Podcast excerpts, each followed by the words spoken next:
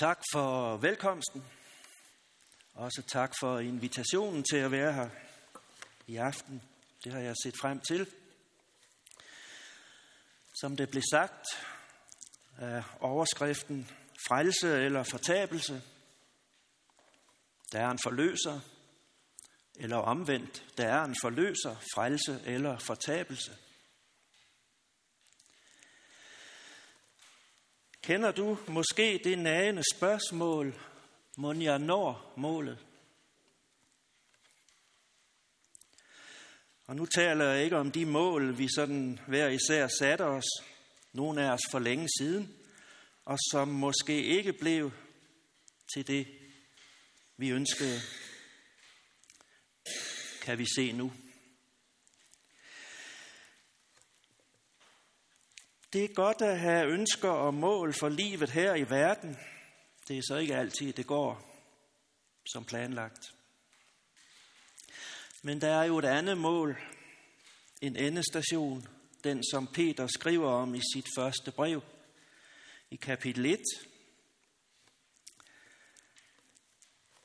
Han priser Gud for det levende håb og siger om Jesus Kristus, ham elsker I, uden at have set ham. Ham tror I på nu, uden at se ham.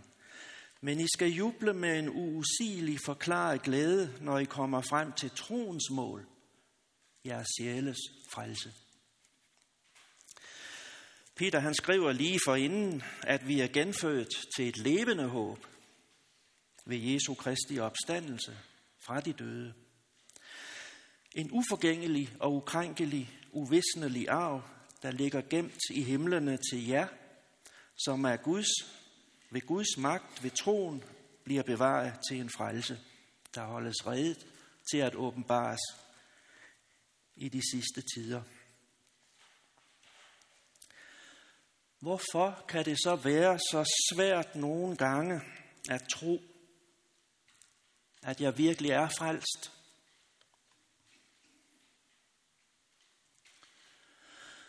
Det kan det faktisk godt ind imellem synes jeg.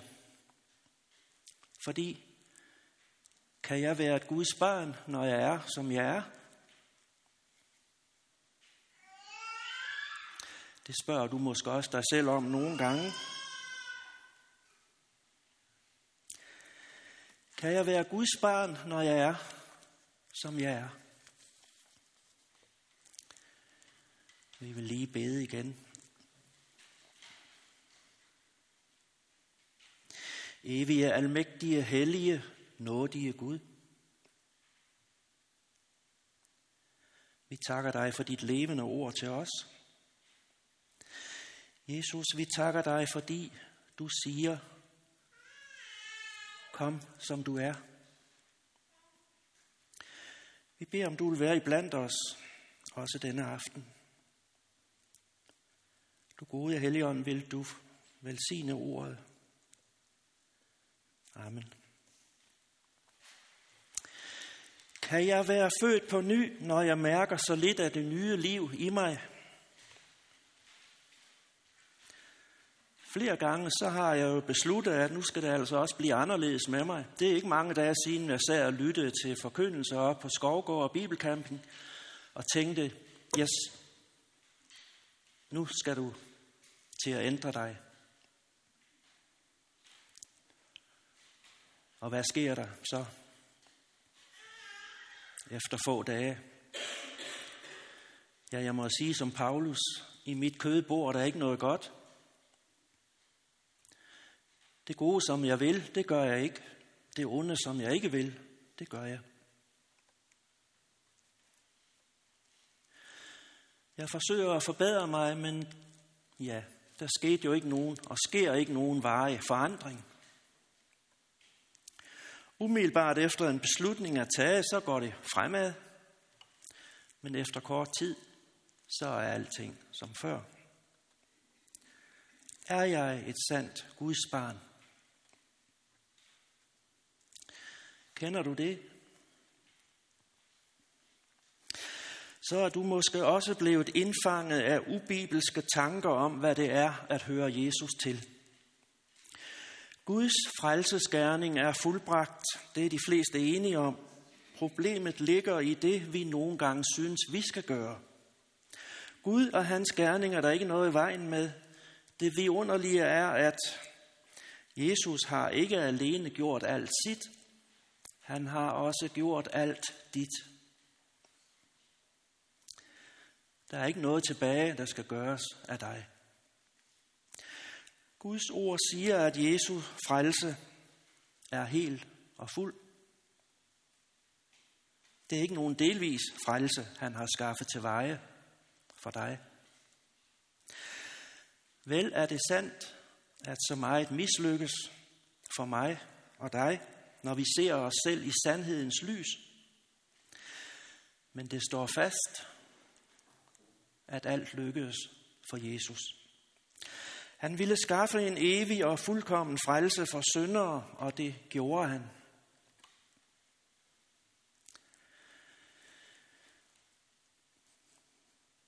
Jesus siger i Johannes 6, 37, Den, der kommer til mig, vil jeg aldrig vise bort. For jeg er kommet ned fra himlen, ikke for at gøre min egen vilje, men hans vilje, som har sendt mig. Og videre Johannes 11, 25, siger Jesus, jeg er opstandelsen og livet, den der tror på mig skal leve, om han inddør. Og enhver, som tror og lever, og som tror på mig, skal aldrig i evighed dø. Gud rejste ham fra graven, med det satte faderen sit sejl under Jesu gerning. Midt i din egen svaghed ejer du Jesus, når du tager din tilflugt til ham. Han står inde for dig. Derfor må du godt løfte dit hoved i frimodighed og sige, jeg er frelst.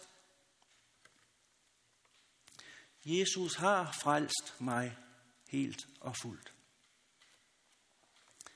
Det er, hvad Gud siger i sit ord. En levende kristen udsættes hele tiden for satans angreb. Han lader ingen i fred. Snart kommer han brølende, snart kommer han snigende. Måske er han allerfarligst, når han langsomt prøver at lulle en kristen i søvn. Og hans bedste løgn er, at han ikke findes. Hvad bygger du så dit liv på? Hvor har du dine rødder? Hvad er dit urokkelige fundament? Hvad står fast, når alt andet vakler? Det levende håb. Du er genfødt til et levende håb. Håbet er urokkeligt. Himlen står Jesus inde for. Han har gjort en plads rede for dig, kan du læse i Johannes 14. Så kan tanken melde sig igen. Mund, mund, jeg når målet.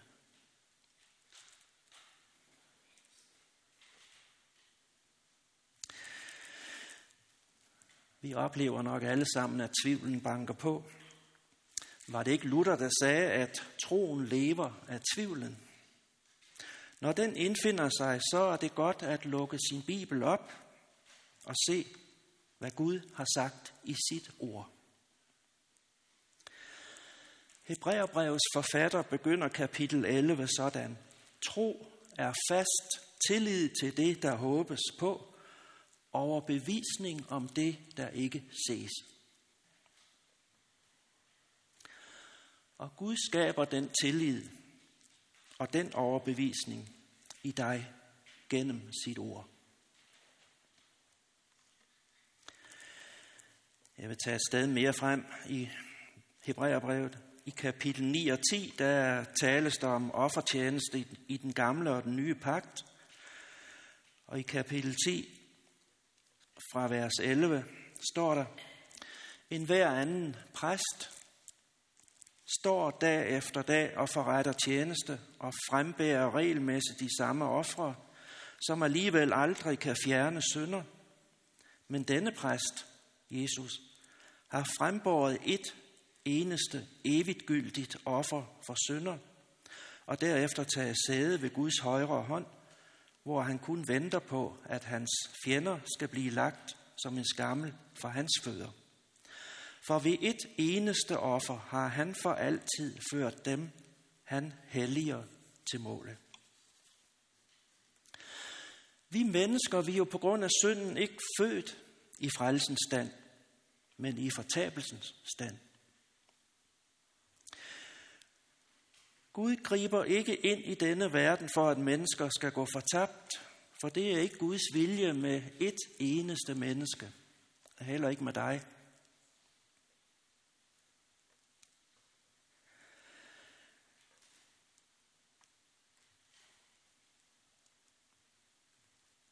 Hans gerning har det formål at frelse det, som allerede er fortabt.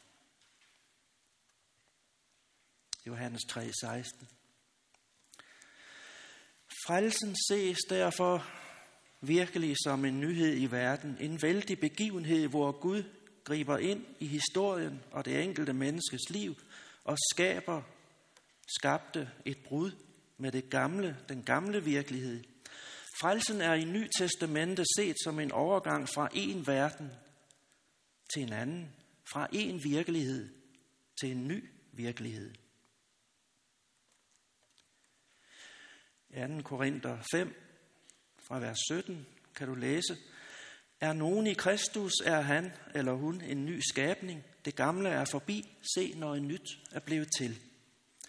Men alt dette skyldes Gud, som forlidte os med sig selv ved Kristus.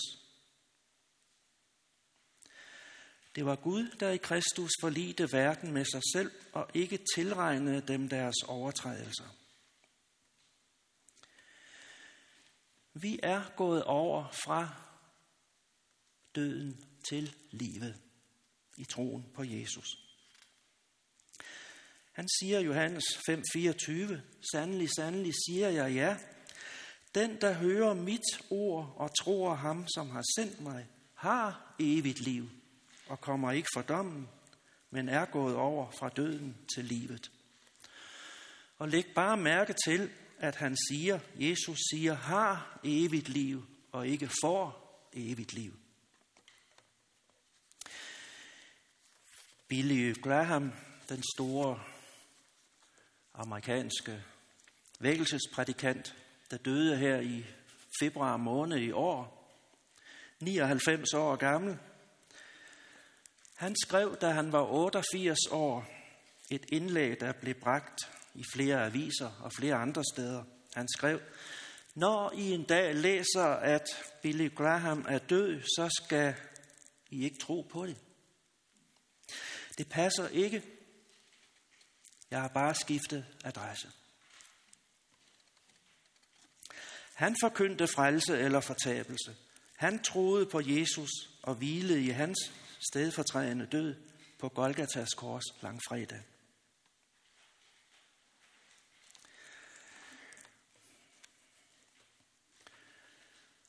Frelse er ikke kun en frelse fra noget, men frem for alt en frelse til noget. Den er liv, glæde, håb, fryd og fylde i Kristus. Frelsen ses både som en nutidig virkelighed og en fremtidig begivenhed. Efeserne 2.8 For at den nåde er i frelst ved tro. Og det skyldes ikke jer selv, gaven er Guds. Og det skyldes ikke gerninger for, at ingen skal have noget at være stolt af. Vi er så velsignede, at vi må gå i kirke og lytte til de tekster i Guds ord, der hører kirkeåret til. og ikke bare det. Ingen hindrer dig i selv at læse i Guds ord, og vi kan frit samles om Guds ord som nu. Noget af det vidunderlige ved Guds ord er, at det kan tåle gentagelse. Det er helt enestående og af en sådan kvalitet, at det kan læses og høres igen og igen. Og det er det, det skal. Høres igen og igen. Læses igen og igen. Hvorfor, mund? Jo, måske som der står i 691, fortæl det gamle budskab, det bedste som jeg ved. Så står det i vers 2, fortæl mig det kun langsomt, så det kan trænge ind. Det budskab om forløsning, dybt ind i sjæl og sind. Fortæl mig det ret ofte, for jeg glemmer let igen. Til morgendubens friskhed ved middagstid svandt hen.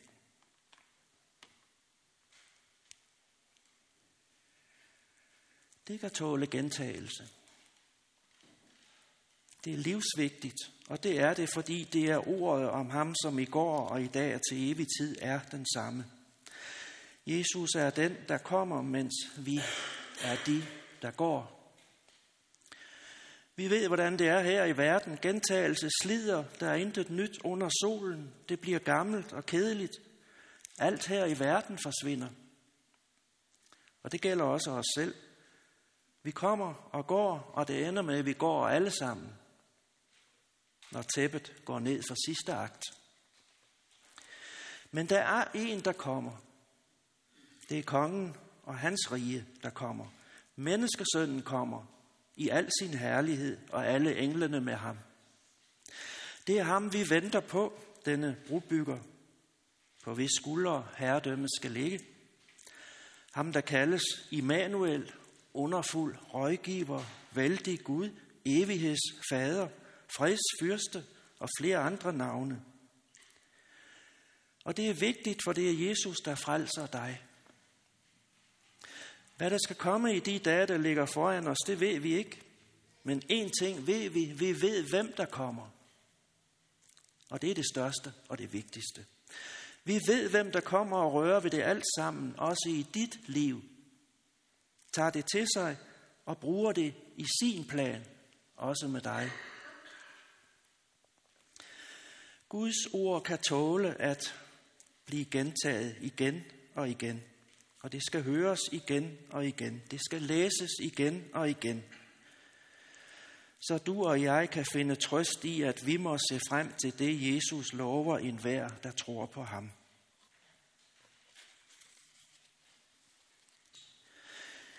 Jesus er blevet garant for en bedre pagt, kan vi læse i Hebræerne 7 fra vers 22. Mens de andre præster har været flere efter hinanden, fordi døden hindrede dem i at fortsætte, har han et uforgængeligt præstedømme, fordi han selv er til for evigt. Derfor, derfor kan han også helt og fuldt frelse dem, som kommer til Gud ved ham, fordi han altid lever og vil gå i forbøn for dem.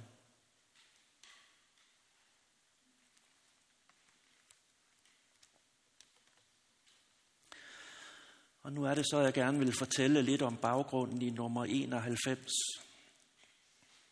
Der er en forløser. Søn af Gud og frelser. Han er Kristus, han er værdig, ren og hellig. Det kan også tåle gentagelse. Fordi det er ordet om ham, der er den samme i går og i dag og til evig tid. Sangen den er skrevet af Keith Green, og ganske kort lidt om baggrunden.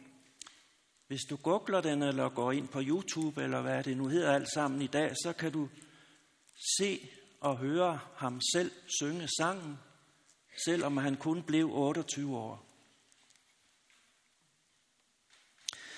Melodien har hans kone komponeret, og hun har af gode grunde alle rettigheder i dag. I sit korte liv, der nåede Keith at sprede budskabet om Jesus med sang og forkyndelse. Inden da han, havde han været omkring Østens religioner og under påvirkning af forskellige rusmidler. Han blev født i 1953 i New York. Hans hjem det var et meget musikalsk hjem, og allerede tidligt viste han selv store musikalske evner. Som teenager søgte han som sagt efter livets mening og fandt den til sidst hos Jesus. Der om sig selv siger, at han er vejen og sandheden og livet.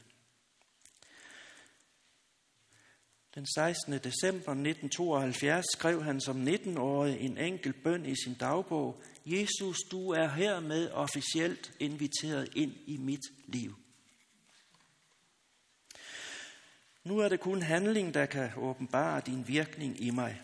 Han fulgte ordene og satte alt ind på at følge sin alvorlige beslutning. En dag gik han ind i en genbrugsforretning, købte et gammelt kors, for han ville ligesom vise Gud, at han mente det alvorligt. Han blev i 1973 gift med en ligeledes musikalsk pige, Melody, og sammen søgte de at få hans karriere til at blomstre i Hollywood. Det lykkedes sig ikke, måske fordi det var mest kristne sange, han skrev og sang. Dørene lukkede sig for dem, og ægteskabet kom ind i svære perioder. Men heldigvis var der andre døre, der åbnede sig. De fandt ind i en menighed, hvor Gud stadfæste og bekræftede Kit i hans kald. Han afholdt mange kristne koncerter. Efterhånden blev hans musik udgivet til stor glæde og taknemmelighed for mange mennesker. Dengang der var det jo mest gramofonplader, og der blev solgt mange, ligesom der blev foræret mange væk til fængsler og institutioner. De hjalp mange hjemløse. De havde i nogen tid en del boende i lejligheden, der snart blev for lille – så købte de på et tidspunkt en ranch i Texas, og det gav masser af plads både inde og ude, og der var bud efter dem i store dele af USA. De sang sammen, og Keith forkyndte Guds ord. Og efterhånden synes Keith, at de brugte for mange timer i bilen, når de kørte frem og tilbage. De købte et lille privatfly, fik anlagt en landingsbane, og Keith og hans hustru Melody, de supplerede hinanden godt. To børn blev født. Alt gik godt indtil 1982, hvor Keith sammen med børnene på to og tre år og flere andre gik ombord i deres lille private flyvemaskine, som kun var beregnet til syv personer. De var så i alt 12. Og maskinen den krængede over, og den styrte til jorden. Keith og begge børnene omkom. En tragedie, som rystede Melody, der stod tilbage med et stort Hvorfor Gud?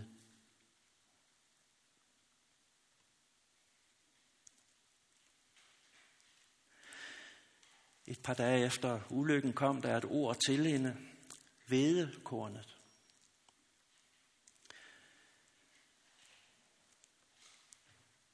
Selvom alt var taget fra hende, så kunne hun kun se det som et løfte, en slags løfte. Dette her, det bliver også til velsignelse. Hun slog efter i Bibelen og kom frem til Johannes 12, 24, hvor Jesus siger, hvis vedekornet ikke bliver lagt i jorden og dør, bliver der kun det ene korn. Men hvis det dør, bærer det mange folk. Der kom mange breve fra ind- og udland, der fortalte, hvordan budskabet om hans død havde påvirket mange. Og i årene efter Keats død, der rejste Melody og andre rundt i 110 byer og spillede og sang hans sange, læste hans prægner og kom i efterhånden i berøring med over 300.000 mennesker. Melody Green, hun er født i 1946 amerikansk forkynder og sangskriver, står der om i forfatterregisteret i SOS. Keith blev født i 53 og døde som sagt 28. juli 1982, 28 år gammel. Der er en forløser, vers 1. Han er Kristus, han er værdig, ren og hellig. Det kan tåle gentagelse. Guds ord tåler gentagelse. Det skal høres og læses igen og igen. Og i vers 2. Jesus, min forløser, du, min ven og frelser. Du er Kristus, du Guds lam, sonede min synd og skam.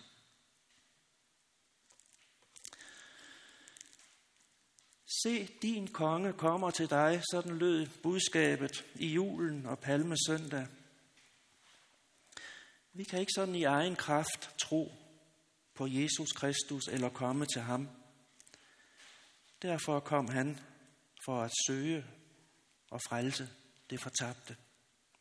Han kom, og han blev indtil det var gjort færdigt. Han kom, og han tændte lys, hvor han kom. Til sidst mente de så, at han gik. Det var langfredag. Da det så ud, som om alle adventslys brændte ned for altid. Men så blev det påskemorgen. For han er den, der kommer. Kristus er den, der kommer. Vi skal ikke vente nogen anden, men ham skal vi altså også vente. Han kommer igen. Og nu vil jeg gerne citere præsten Henrik Højlund, som nu er i København. Han var før i løsning. Han skrev og sagde på et tidspunkt, hvis ikke jeg bliver mindet om det, at Jesus kommer igen, så tror jeg, jeg ville glemme det, eller glemme og glemme. Jeg ville vide det sådan rent teoretisk, men det ville ikke spille nogen rolle i mit liv. Det er den sørgelige sandhed om mig, og sikkert også mange andre. Dette, at hvis vi ikke bliver mindet om, at Kristus kommer tilbage for at dømme levende og døde, og lader nogen gå ind til hans glæde, og lader andre stå udenfor med gråd og tænderskæren. Hvis ikke vi til stadighed bliver mindet om det, så ville det stille og roligt forvandles til at blive et teoretisk stykke i vores kristne liv i bedste fald. For mange præster og sågar biskopper har pillet det ud. Det bliver sådan teologiseret væk. Det hører ikke med. Det hører en sort middelalder til. Men Jesus selv prædikede tit om frelse og fortabelse, så det er umuligt at komme udenom. Hvorfor forties det eller skubbes ud i periferien, eller der bliver sådan trukket på skuldrene og let overbeværende, overbærende og tænkt, at det må være noget med indre mission og hans kirke. Citat slut. Gud vil, at alle mennesker skal frelses, også dig. Men det har altså behaget ham at udvælge, frelse dem, som tror på hans enborne søns navn. Han har udvalgt dig og mig i Kristus og kun i ham, før verdens grundvold blev lagt. Han er den, der kommer, Jesus kommer igen. En dag så er det slut med denne verden. Menneskesønnen kommer i sin herlighed og alle englene med ham. Og hvis det skete nu, så ville du gerne høre ham sige ordene, Kom du, som er min fars velsignede, og tag det rige i arv, som er bestemt for dig, sin verdens grundvold blev lagt. Se, jeg står ved døren og banker på. Hører nogen mig og åbner døren, vil jeg gå ind til ham eller hende. Kan du læse i åbenbaringen 3.20. For det er jo ind, han vil. Ind for at plante det ord, der alene kan frelse fra dødens og djævelens magt. Han springer ikke døre. Det er ikke, det er ikke, det er ikke hans metode. Du skal selv åbne døren. Du skal selv svare, jeg, hjertets dør, vil åbne dig. O Jesus, drag dog ind i mig. Så skal også du være mellem dem, der står foran tronen i hvide klæder. Dem, som Johannes så, og som han skriver om i Bibelens sidste bog, kapitel 7, fra vers 9. Derefter så jeg og se, der var en stor skare, som ingen kunne tælle af alle folkeslag og stammer, folk og tungemål. De stod foran tronen og foran lammet, klædt i hvide klæder, og med palmegrene i hænderne, de råbte med høj røst, Frelsen kommer fra vor Gud, som sidder på tronen, og fra lammet. Og alle englene stod i kreds om tronen, og de ældste, og de fire levende væsener, og de faldt ned på deres ansigt for tronen og tilbad Gud og sagde, Amen, pris og lov og visdom og tak og ære og magt og styrke er vor Guds i evighedernes evigheder. Og en af de ældste tog til ord og spurgte mig, de som står klædt i hvide klæder, hvem er de? Og hvor kommer de fra? Min herre, du ved det, sagde. Og han sagde til mig, det er dem, som kommer fra den store trængsel, og som har vasket deres klæder og gjort dem hvide i lammets blod. Derfor står de for Guds trone og tjener ham dag og nat i hans tempel. Og han, som sidder på tronen, skal rejse sit telt over dem. De skal ikke sulte længere og ikke tørste længere, og hverken solen eller nogen anden hede skal plage dem. For lammet midt for tronen skal vogte dem og lede dem til livets kildevæld, og Gud vil selv tørre være tårer i deres øjne. De er renset i Jesu blod, i troen på hans fuldbragte offer. Ja, de har så at sige skiftet adresse.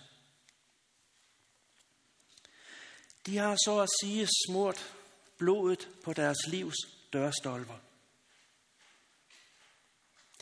Glæd dig, du som tror på det, for du skal stå for tronen.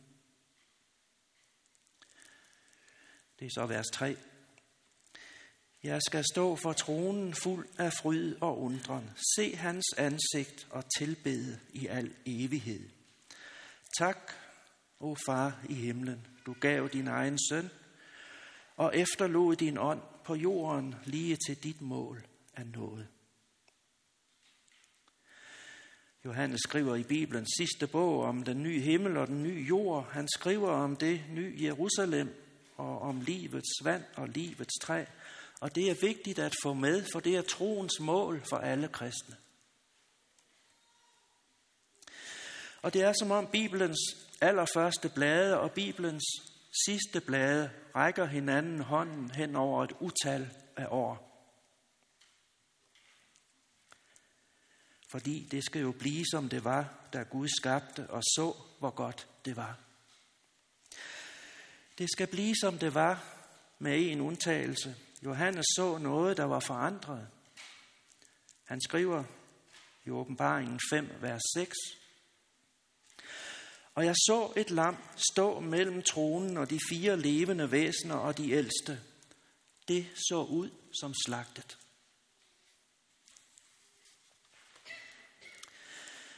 Paradis bliver genoprettet. I Johannes åbenbaring 21 beskrives det på den måde, og jeg så en ny himmel og en ny jord, for den første himmel og den første jord forsvandt, og havet findes ikke mere. Og den hellige by, det nye Jerusalem, så jeg komme ned fra himlen fra Gud, reddet som en brud, der er smykke for sin brudgom. Og jeg hørte en høj røst sige, nu er Guds bolig hos menneskene. Han vil bo hos dem, og de skal være hans folk, og Gud vil selv være hos dem. Han vil selv tørre hver tårer af deres øjne, og døden skal ikke være mere. Ej heller sorg, ej heller skrig, ej heller pine skal være mere, for det, der var før, er forsvundet. Og så vil jeg slutte med nogle ord i vers, eller i kapitel 22 i åbenbaringsbogen. Og englen viste mig floden med livets vand, klart som krystal. Den vælger ud fra Guds og lammets trone. I midten med gaden på den ene side og floden på den anden, står livets træ, som bærer frugt tolv gange. Hver måned giver det frugt, og træets blade tjener til lægedom for folkeslagene. Og der skal ikke mere være nogen forbandelse. Men Guds og lammets trone skal stå i byen, og hans tjenere skal tilbede ham, og de skal se hans ansigt og bære hans navn på deres pander og der skal ikke mere være nat, og de har ikke brug for lys fra lamper eller lys fra solen, For Herren Gud lyser for dem, og de skal være konger i evighedernes evigheder. Og englen sagde til mig, disse ord er troværdige og sande. Jeg er alfa og omega, den første og den sidste, begyndelsen og enden. Salige er de, der har vasket deres klæder, så de får ret til livets træ og går gennem portene ind i byen.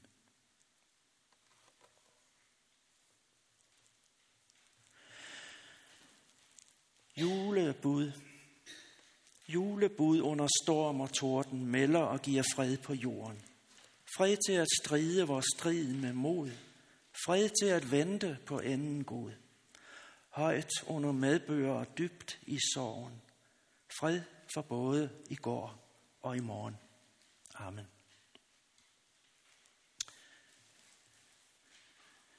Far i himlen, vi takker dig, fordi vi må kalde dig far. Tak fordi at vi må være dine børn. Tak for alle dine løfter til os. Og tak fordi at dine løfter, de bliver ført ud i livet. De står ved magt, og de bliver ført ud i livet, når du vil, og som du vil. Amen.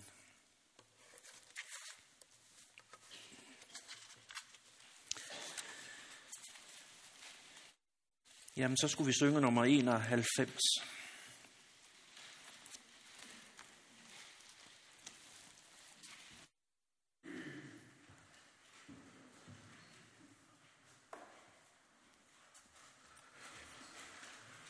Jeg synes, I er sat så længe, at, øh, at vi skal stå op og synge.